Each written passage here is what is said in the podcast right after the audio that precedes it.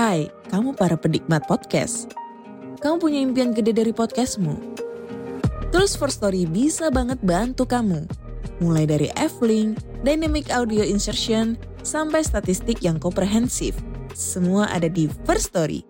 Gak ketinggalan kamu bisa monetisasi podcastmu lewat iklan dari First Story Ads yang bisa kasih kamu penghasilan dari setiap place podcastmu. Yuk gabung sekarang dengan klik di firststory.me.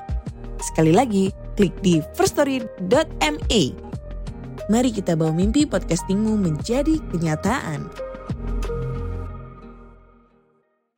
Sobat Malam Mencekam, sebelum masuk ke cerita, gue bakal ngenalin sebuah hosting keren nih. Dan hosting ini cocok banget buat kebutuhan kita. Namanya First Story. Nah, sedikit penjelasan apa itu First Story ya. Jadi ini adalah sebuah platform palu gada baru yang paling keren. Di First Story ini, kalian bisa menggunakan fitur-fiturnya 100% gratis loh. Kamu bisa mengupload episode terjadwal dan mendistribusikan podcastmu di semua platform hit podcast kesayangan kalian. First Story menyediakan customer service yang luar biasa berkat tim yang berisikan podcaster berpengalaman. Kamu bisa share podcastmu tanpa ribet dengan F-Link ini yang akan mencakup semua link platform dan sosial media kamu. Dengan First Story Ads, kamu bisa mengakses monetisasi dengan sangat mudah. Kamu bisa cairkan hasilnya kapan pun kamu mau tanpa biaya tambahan dan tanpa ribet. So, tunggu apa lagi? Gunakan hosting First Story sekarang juga. Assalamualaikum warahmatullahi wabarakatuh. Selamat malam sobat malam mencekam.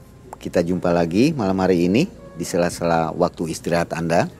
Jadi jangan tidur dulu sebelum mendengarkan kisah nyata dari malam mencekam. Sudah ada di depan Anda namanya Mas Oyeg. Nah, Mas Oyeg ini memiliki pengalaman yang cukup memilukan. Tahun berapa Mas Oyeg? Di tahun 2005. Tahun 2005. Waktu itu Mas Oyeg masih SMA ya? Oh iya. Masih Iya. statusnya SMA. Ya kalau untuk sekolahnya di tahun 2003. 2003. Iya betul. Kisahnya ini tadi saya dengar di depan memang mengerikan dan sangat memilukan. Ada tumbal juga, tumbal jual musuh. Seperti apa kisahnya? Nanti kita akan coba tanya-tanya ya. Sobat MM, sebelum kita mulai mendengarkan kisah dari Mas Oyeg, tempat terjadinya atau TKP dari Mas Oyeg ini melakukan ritual akan dieksplor oleh Malam Mencekam Explore, salah satu channel kita yang digawangi oleh Mas Haris ya. Nah, bagaimana kisahnya nanti Mas Haris coba ngobrol dengan Mas Oyek Siap. yang akan melakukan penelusuran. Kita undang Mas Haris. Oh ya, Mas Oyek ya? Ya. Mas Oyek saya mau nanya, kalau di situ itu di tempat yang lokasinya itu ada makhluk apa aja? Jadi di situ itu ada makhluk yang tinggi besar, Oke. terus eh, perempuan berambut panjang, kemudian ah, merinding tuh. Kemudian ya bangsa-bangsa lelembut kecil-kecil seperti itu. Oh gitu. Iya. Nah, kalau misalkan nanti kita explore Mm-mm. ke lokasinya, Mhm. itu bisa, Boleh, bisa berarti ya. boleh. Nah, yang pal- makhluk yang paling eh, dominan atau enggak yang paling berkuasa di daerah situ bentuknya apa ya? Yang tinggi besar, Oh, tinggi besar. luar biasa itu. Hmm. Oke, itu yang eh, biasa yang ngelakuin eh, buat ritualnya itu berarti. Betul, betul. Itu yang paling mengganggu sekali. Oke, terima kasih. Ya. Nah, sobat MM itulah Mas Haris dari Malam Mencekam Explore yang akan melakukan eksplorasi tempat di mana terjadinya ritual Mas Oyek. Ya. Itu daerah mana ya, Mas Oyek? Itu di daerah sekitaran Kalijaga. Kalijaga ya. Betul. Oke. Mas Haris sudah pernah ke sana belum? Oh, belum, saya belum pernah. Nanti langsung saja ya. Kita akan langsung aja pas ke TKP-nya aja langsung. Hati-hati Mas Haris ini Siap, kayaknya siap. tempatnya lumayan angker ya, Mas. Betul, betul. Cukup angker. Betul, gitu. siap. Jangan sampai kenok. Insya Allah, Siap-siap ya. Siap, siap. Saya akan selalu siap-siap. Sobat MM, silahkan Anda kunjungi Malam Mencekam Explore, salah satu channel dari Malam Mencekam juga, produk kita juga. Mohon dukungannya, subscribe, like, dan komen tentunya. Kita ke Mas Oyek untuk mendengarkan kisahnya, kisah nyata tahun 2005. Silahkan Mas Oyek.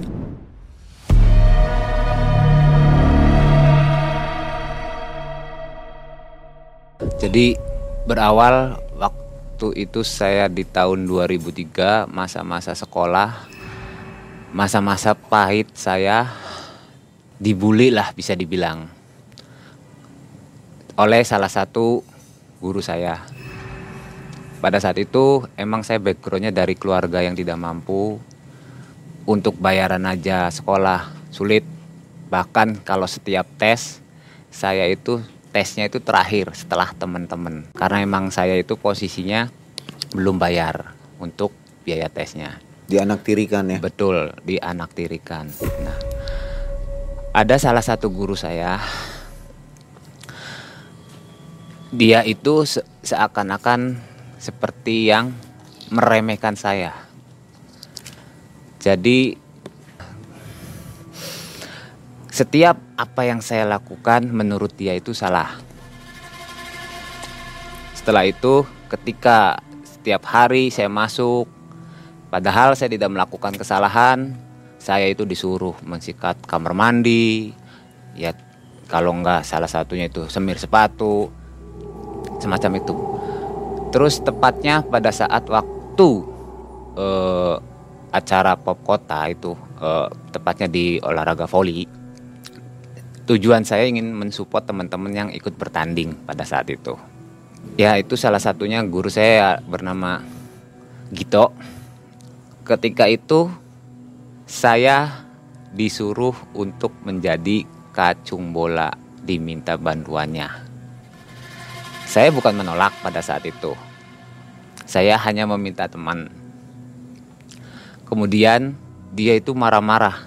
Katanya saya itu yang nggak tahu diri lah, yang sudah tahu kamu itu keluarga nggak mampu, tapi kamu diminta bantuan nggak pernah nggak mau.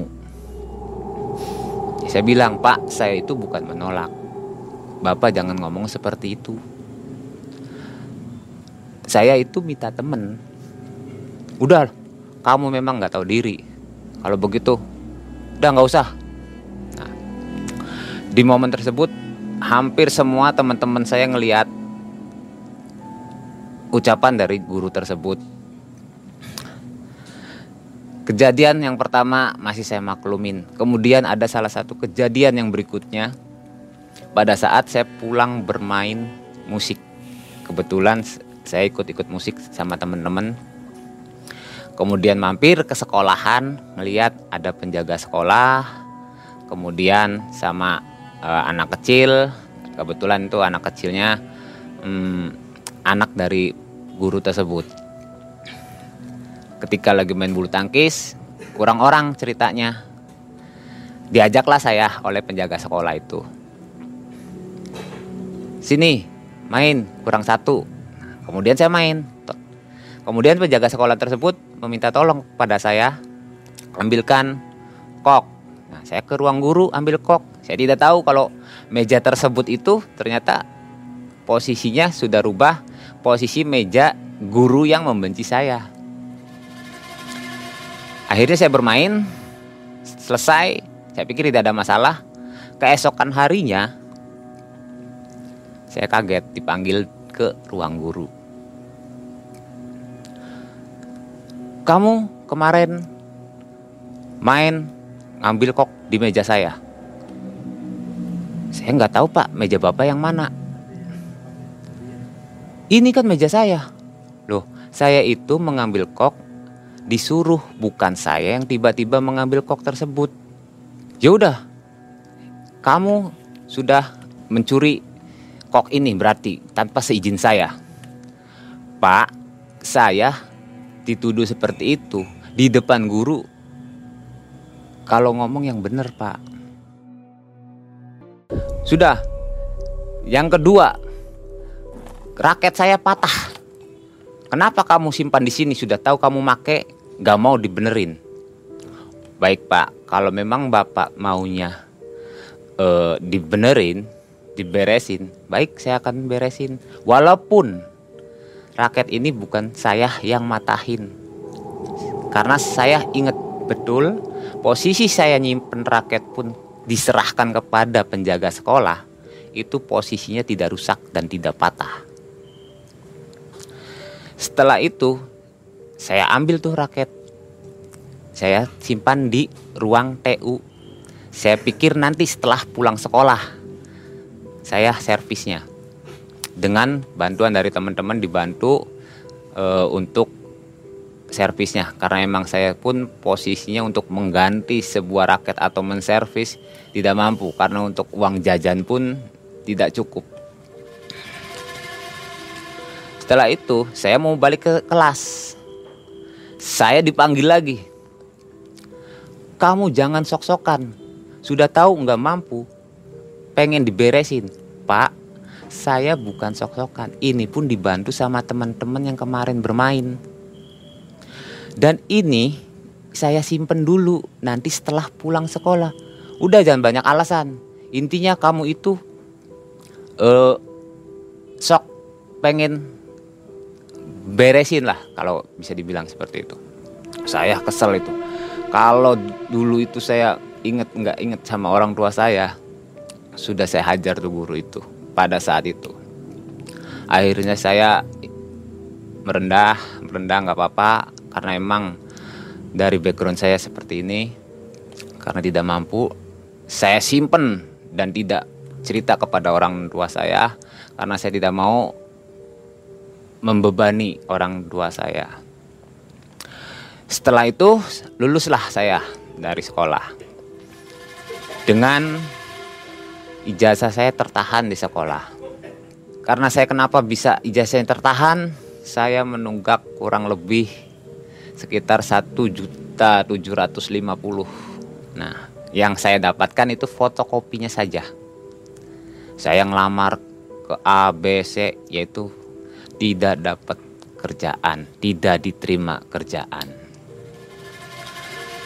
Dengan alasan harus ada jaminan ijazah yang asli. Dan pada saat itu memang saya tidak punya ijazah aslinya. Saya jadi kuli panggul di pasar, kemudian ikut bantu temen jualan jagung bakar. Yang penting ada uang buat makan keseharian dan bisa di, sedikitnya ke orang tua memberi. Singkat cerita, kemudian saya diajak teman saya untuk mengikuti di salah satu IO di Cirebon untuk di salah satu event. Ceritanya saya udah seneng nih, bakalan akan kerja Kemudian sesampainya di sana, teman saya sudah berangkat sama temennya lagi. Saya nyusul pakai sepeda karena memang saya nggak punya kendaraan selain sepeda tersebut. Saya nyusul naik sepeda sampai di lokasi. Saya ditanya punya kendaraan apa enggak. Saya jawab hanya punya sepeda. Dan hari itu juga saya diteri tidak diterima lagi di tempat tersebut. Jadi putus asa kembali. Apa mungkin saya takdirnya seperti ini waktu itu? Saya dengan keputusasaan tersebut jalan pulang dengan mengayu sepeda saya dengan membawa bekal pada saat itu uang sebesar 15.000. Di tahun 2005 itu pada saat pulang saya uang 15 ribu itu yang 10 ribunya saya belikan nasi yang isinya waktu itu telur sama orek. Pada saat itu saya mau makan, tepatnya di pohon kersem, ada yang menghampiri saya seorang kakek-kakek. Bisa dilihat secara fisik sudah sepuh saya pikir kakek-kakek tersebut hanya seorang pengemis atau orang yang meminta-minta. Dia menghampiri saya, kemudian mengatakan, "Cung, jaluk mangane," atau yang bisa diterjemahkan, dia minta makannya. Saya pikir dia minta uang atau buat beli makan. Lalu sisa uang saya yang 5000 itu saya berikan kepada kakek tersebut. Setelah saya berikan kepada kakek tersebut, dia menolaknya. Saya tidak mau uang, saya mau makan. Oke, saya uang hanya 15.000 dan ini 10.000 hanya untuk beli makan. Kalau saya ini diberikan semua ke kakek, saya saya nggak minta semua. Kalau kamu nggak gilaan atau nggak jijian, saya mau barengan makan sama kamu. Nah, kondisi kakeknya itu dengan pakaian hitam-hitam, kemudian bawa tongkat dan bawa kresek posisinya. Nah, ya kayak baju silat gitulah posisinya itu. Setelah itu kita makan bersama, tiba-tiba si kakeknya itu berkata, Cung, sampai niku lagi ake pikiran. Terkejut, teramat sangat. Loh, kakek ini kok bisa tahu dalam hati saya berkata. Lalu saya berkata sama uh, si kakek tersebut, Kek, kakek tahu dari mana saya banyak pikiran. Karena dilihat dari raut wajah kamu itu sedang mengalami kesedihan, kata kakeknya. Setelah itu kakeknya mengatakan, sudah kalau kamu mau merubah nasib kamu, ikuti apa yang kakek berikan. Maksudnya apa? Saya bertanya pada kakek tersebut. Ini adalah untuk merubah aura kamu. Maksudnya kakek, sudah sekarang kita selesaikan makan dulu. Nanti saya minta antar. Setelah itu kita pulang makan. Kita pulang nganter kakek di salah satu tempat yaitu tepatnya di Kali Jaga di kebun-kebun bambu. Itu banyak banget kebunnya bambu-bambunya. Dan di terusan kali lah ada kali di situ ada kali. Setelah sesampainya di situ kakek tersebut bilang kalau kamu yakin kalau kamu mau merubah nasib kamu agar kamu tidak disepelekan sama orang-orang. Kamu harus mengikuti saran saya yaitu ritual. Kaget dong saya. Hah? Maksudnya ritual bagaimana, kek? Saya akan memberikan pengasihan buat kamu.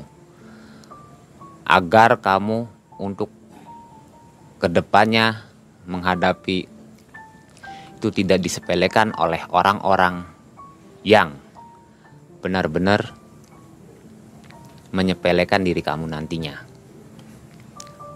Baik kek, kalau memang seperti itu, syarat-syaratnya apa saja kek? Saya bertanya sama kakek tersebut. Aduh, merinding. Kamu hari lahirnya hari apa? Saya jawab, kebetulan saya lahir di hari Jumat Kliwon kayak. Ini ritual pengasihan ada dua tahap.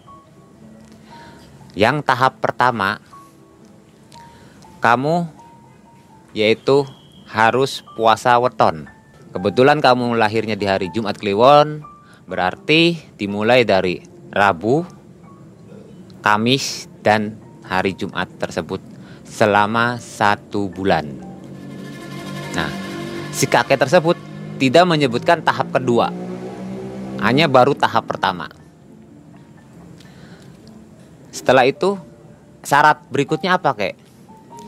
Syarat berikutnya, kamu ketika sahur ataupun e, berbuka nanti tidak boleh memakan makanan yang mengandung unsur api. Ya contohnya kayak dimasak lah kayak gitu. Berarti makan buah-buahan betul. Minumnya dan air kelapa waktu itu.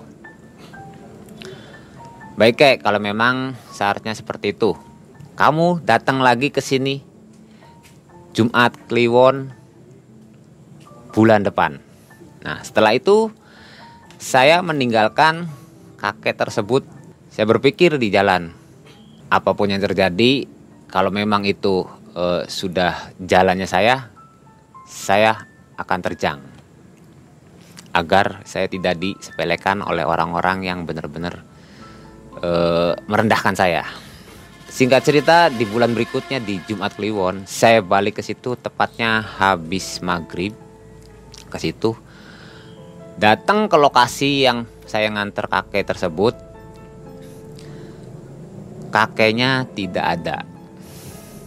Saya cari tengok-tengok tidak ada. Kurang lebih ada satu jam. Tiba-tiba muncul dari arah yang berlawanan dari saya. Kakek tersebut dengan baju yang sama sambil membawa tongkat. Menanyakan kabar bagaimana kabar kamu? Sehat?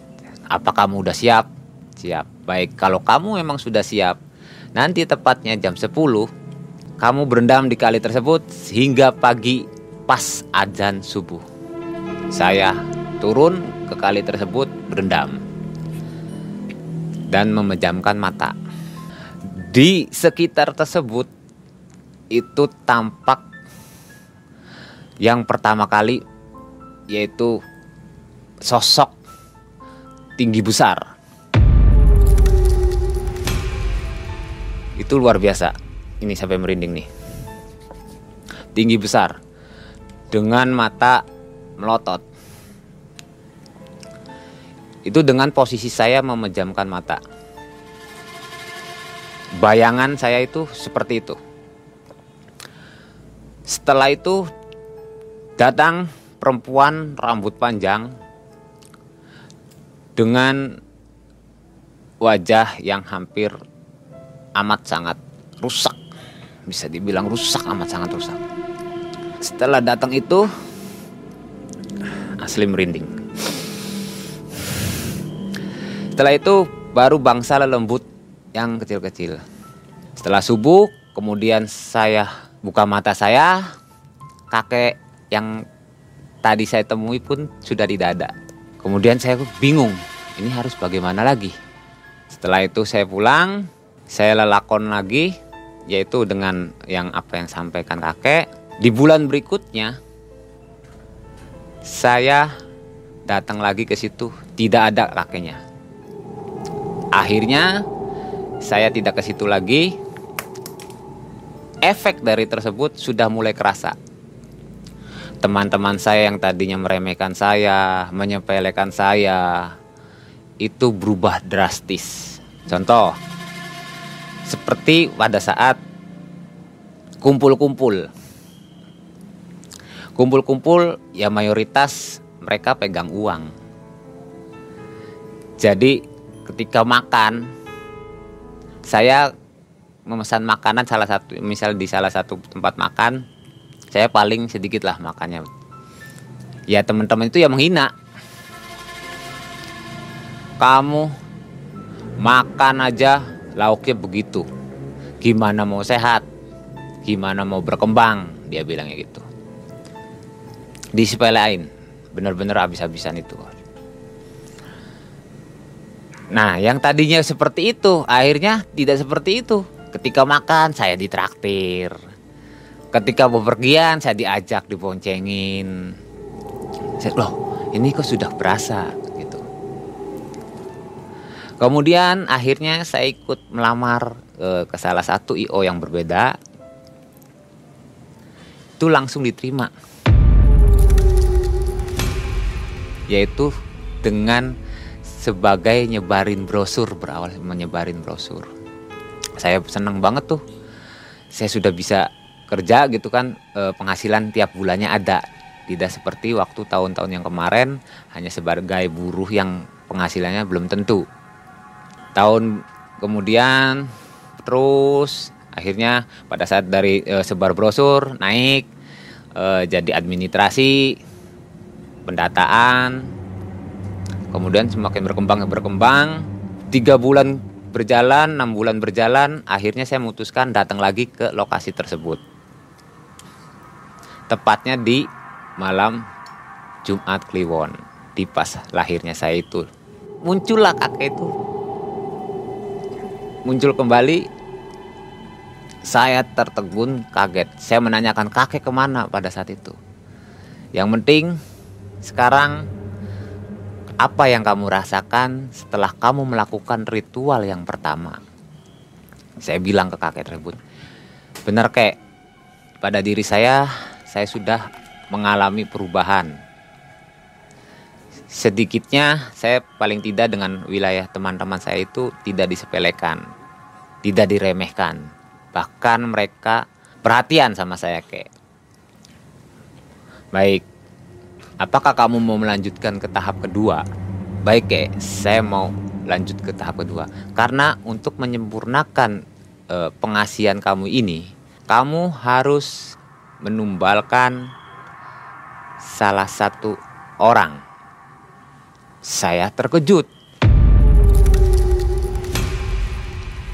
Hah? Apa emang harus seperti itu, kek?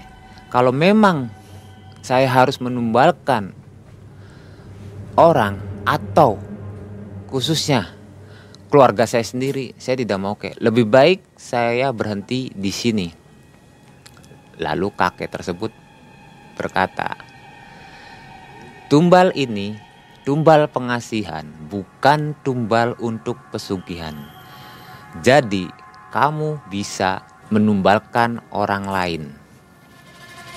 Dalam arti ini tumbal pengasihan berarti kamu harus menumbalkan orang yang benar-benar pernah menyakiti kamu.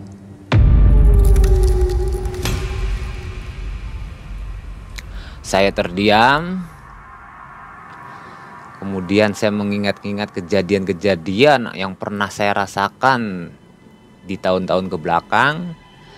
Akhirnya saya memutuskan dan ingat di salah satu orang tersebut yaitu guru saya, Pak Gito.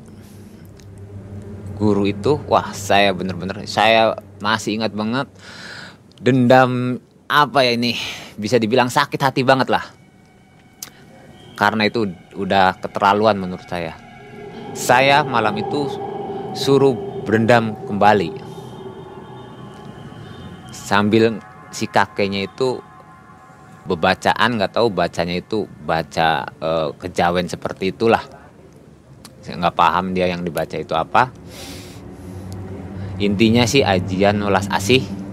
Saya suruh membayangkan wajah guru tersebut yang akan ditumbalkan Nah, kakek itu bertanya, "Ini mau saya bikin langsung mati atau tidak?" Lalu saya ngomong ke kakek itu, "Kayak saya nggak mau dia langsung mati. Dia sudah menyakiti saya itu luar biasa. Saya mau dia bikin sengsara lebih sengsara apa yang saya alami.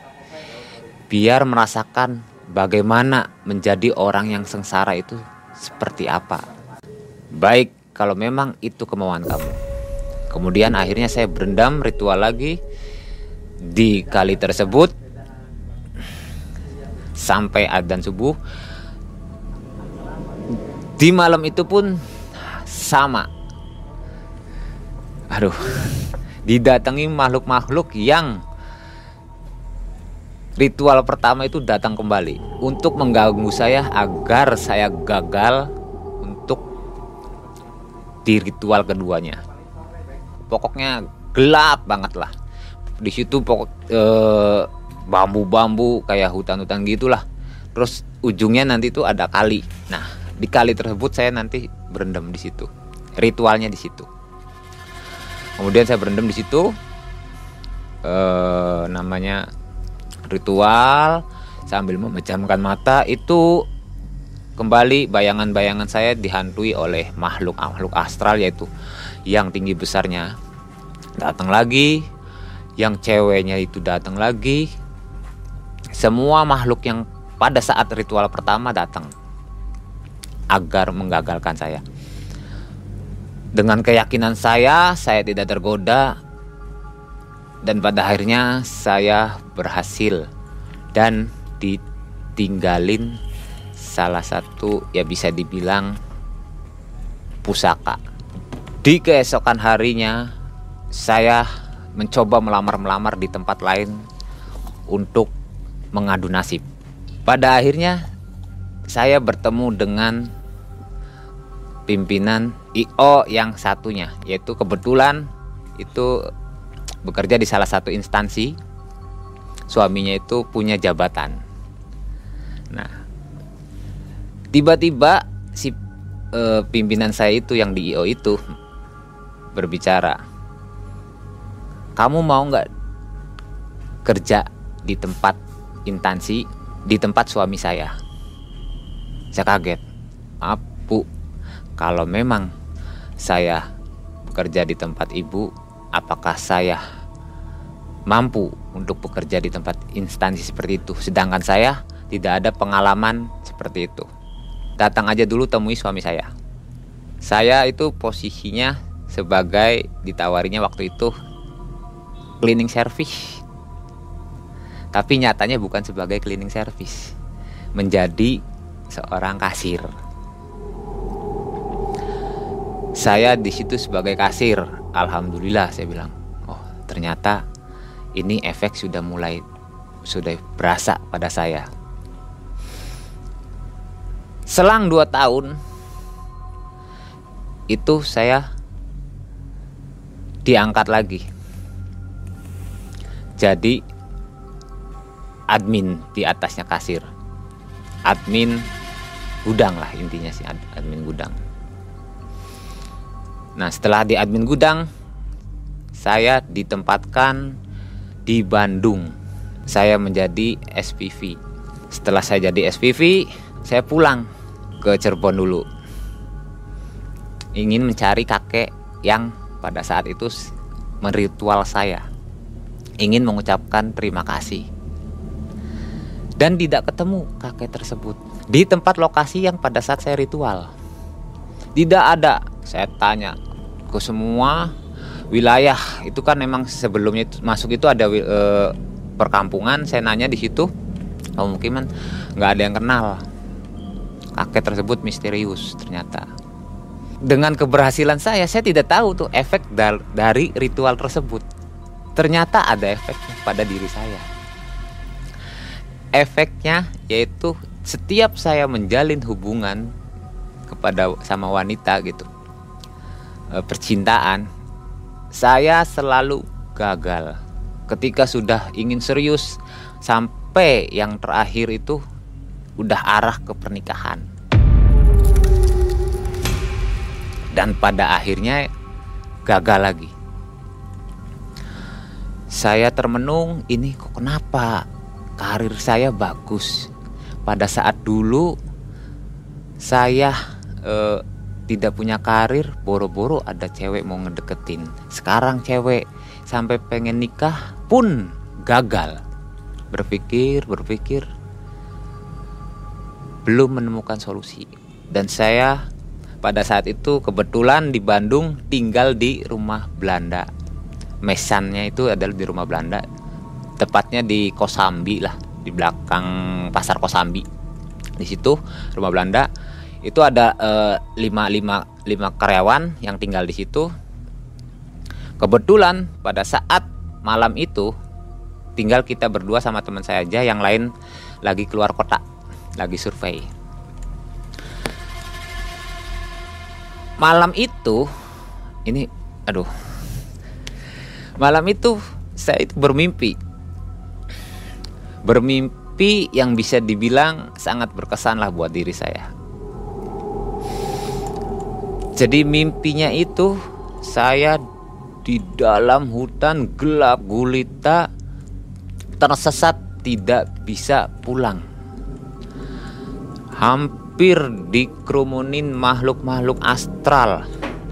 Dari Gondoruo, Wewe Gombel, macem-macem lah. Itu di dalam mimpi saya. Aduh merinding tengok-tengok di dalam mimpi itu muncul seberkas cahaya.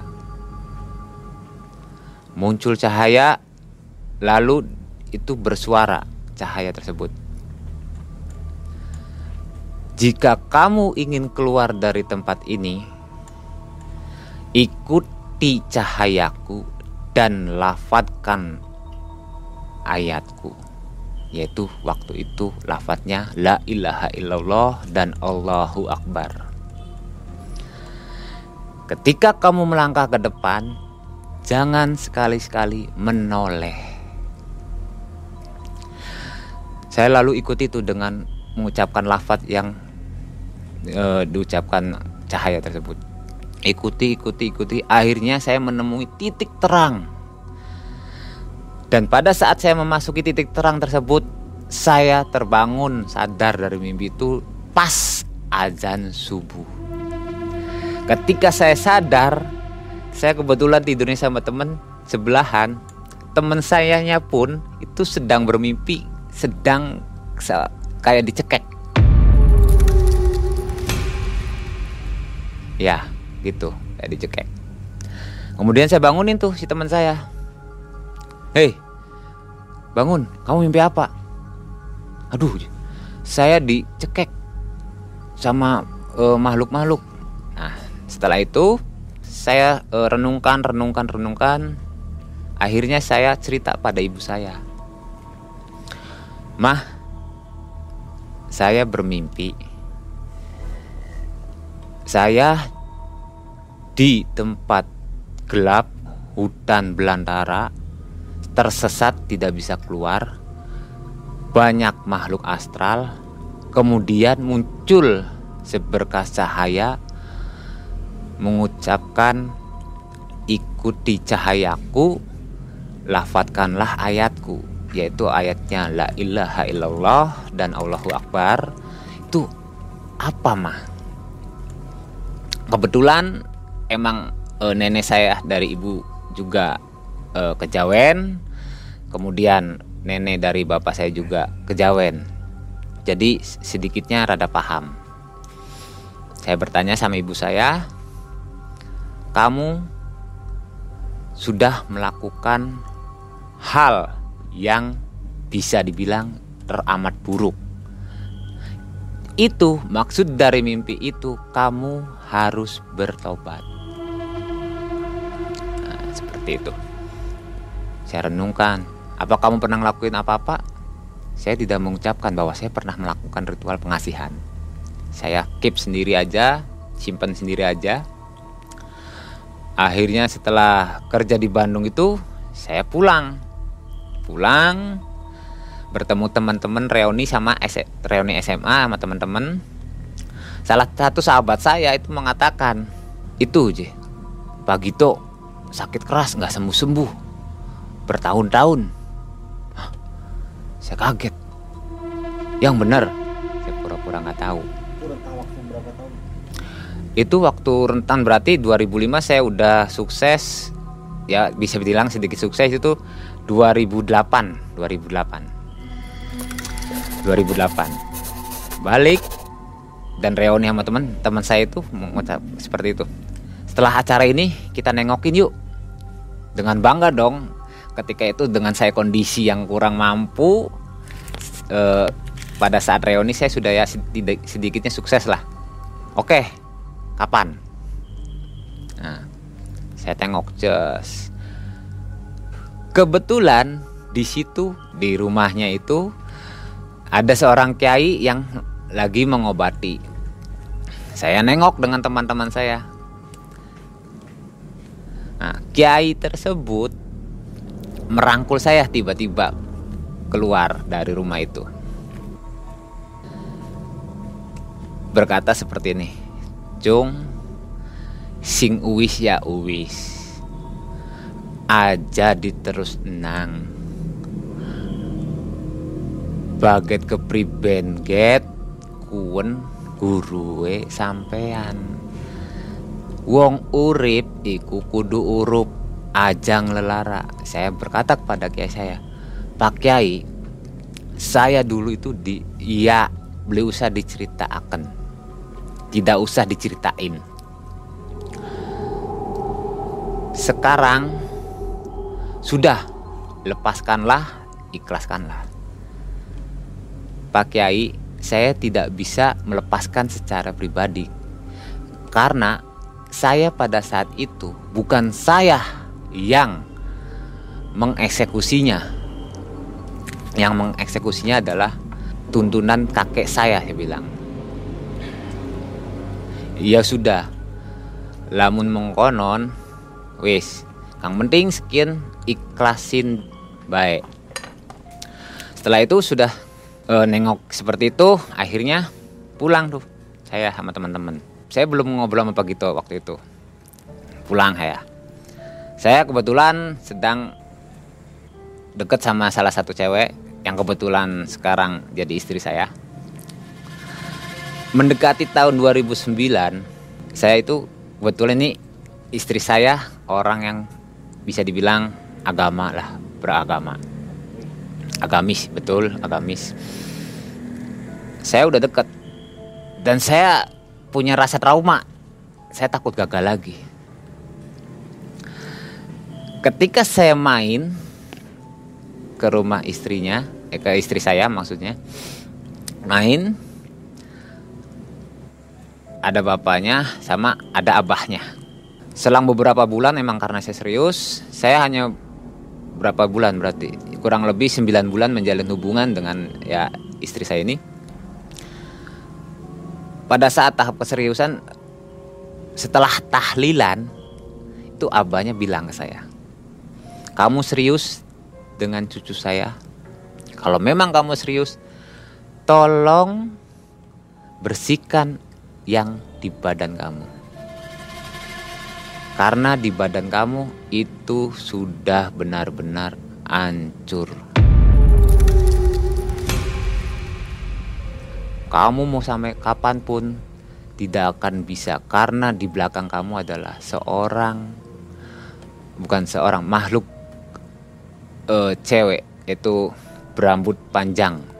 Wah, berarti ini ternyata saya dalam hati selama ini kenapa saya selalu gagal. Akhirnya, ya bah saya serius, saya mau uh, jadi uh, pendamping hidupnya istri saya waktu itu. Baik kalau seperti itu, kamu ikut saya besok malam saya bersihkan tubuh kamu. Kemudian malam tersebut besokannya saya dibersihkan sama si abahnya istri itu dengan membaca sahadat dan solawat sampai akhirnya saya sudah selesai kemudian saya menunjukkan keris yang tadi kepada abah saya. Ini bagaimana untuk keris tersebut? Dipegang keris itu kemudian abah saya bilang sudah ini kenangan jangan kamu ulangi lagi simpan sudah tidak ada apa-apanya sebagai aksesoris saja. Akhirnya setelah itu saya kembali lagi kepada uh, teman saya. Saya minta antar ke sana lagi ke Pak Gito. Ayo antar. Kemudian saya nengok lagi itu berduaan nggak nggak rame-rame kayak waktu per, uh, nengok yang pertama. Pagitonya itu sampai nangis. Ngucapin nak kalau memang bapak di masa lampau ngelakuin yang bener-bener uh, bisa dibilang ngebully ngasarin kamu mempermalukan kamu di depan umum saya minta maaf kalau memang ini udah jalannya seperti ini ternyata sulit untuk dijalani. Saya baru sadar bahwa menjadi orang yang tersakiti itu memang gak enak. Lalu saya ingat omongan Pak Kiai, wong urip kudu urup. Artinya itu orang hidup itu harus e, bersinergi lah, jangan saling menyakiti. Kemudian dia minta maaf, saya pun akhirnya karena saya sudah dibersihkan oleh abah saya karena bertujuan saya bisa dibilang untuk e, karir sudah lumayan. Saya juga sudah serius sama e, istri saya. Jadilah saya memaafkan si Pagito tersebut. Dan alhamdulillah terakhir tahun 2015 saya ketemu lagi itu udah sehat Alhamdulillah tidak sampai kalau memang itu eh, tidak sampai ketemu lagi, mungkin bisa sampai amblas lah nyawanya. Merasa dijebak nggak oleh kakek? Kalau untuk masalah dijebak menurut saya enggak. Karena emang kakek tersebut tidak menjerumuskan saya. Malah memberi apa ya? Perubahan dalam diri saya. Terlepas itu saya dengan efek tersebut karena saya tidak bertanya pada saat itu efeknya akan seperti apa dan belum sempat bertemu sampai detik ini pun saya tidak tahu kakek tersebut ke mana. Nggak pernah ketemu lagi. Iya, Mengenai tumbal itu gimana? tumbalnya itu kan berarti kalau kita sudah ikhlas, sudah eh, eh, saling memaafkan, itu dengan sendirinya akan Batal. batal karena saya pun dirukiah oleh abahnya saya itu. Nah setelah di Rukiah, apa yang dirasakan? Sudah berubah. Tidak eh, kalau untuk kalau dulu kan disepelekan emang karena emang saya nggak mampu. Nah sekarang itu sama teman-teman ya udah biasalah umum setara gitu tuh. Nggak kayak dulu. Kalau dulu waktu masih memegang itu saya tuh jiwanya eh, kayak jiwa pemimpin lah. Seperti itu. Karismatik betul. Ternyata bukan pesugihan saja ya yang ada tumbalnya. Ya, Melakukan ajian welas asih ya. betul. Itu juga bisa menimbulkan tumbal ya. Iya, betul. Luar biasa. Ya. Ada pesan yang ingin disampaikan mungkin untuk penonton? Baik, untuk yang pertama para guru-guru agar pada setiap muridnya jangan berlaku kesemena-menaan. Itu yang pertama.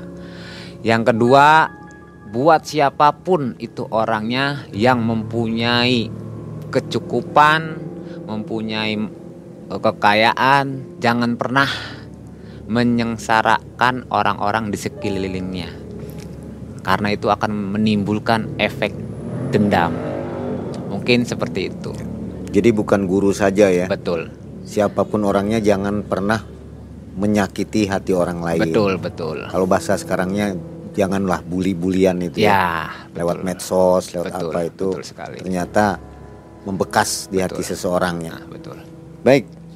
Nanti akan ada penelusuran oleh Mas Aris. Baik. Mungkin Mas Oyek nanti bisa hadir ya di penelusuran Siap, itu siap, untuk memberitahukan lokasinya. siap. Terima kasih Mas Oyek atas kisah yang sangat bermanfaat untuk kita semua ini. Pesannya sampai untuk Siap. kita.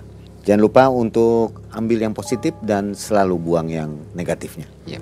Saya Mang Ei, Mas Oyek dan tim undur diri. Assalamualaikum warahmatullahi wabarakatuh. Waalaikumsalam warahmatullahi wabarakatuh.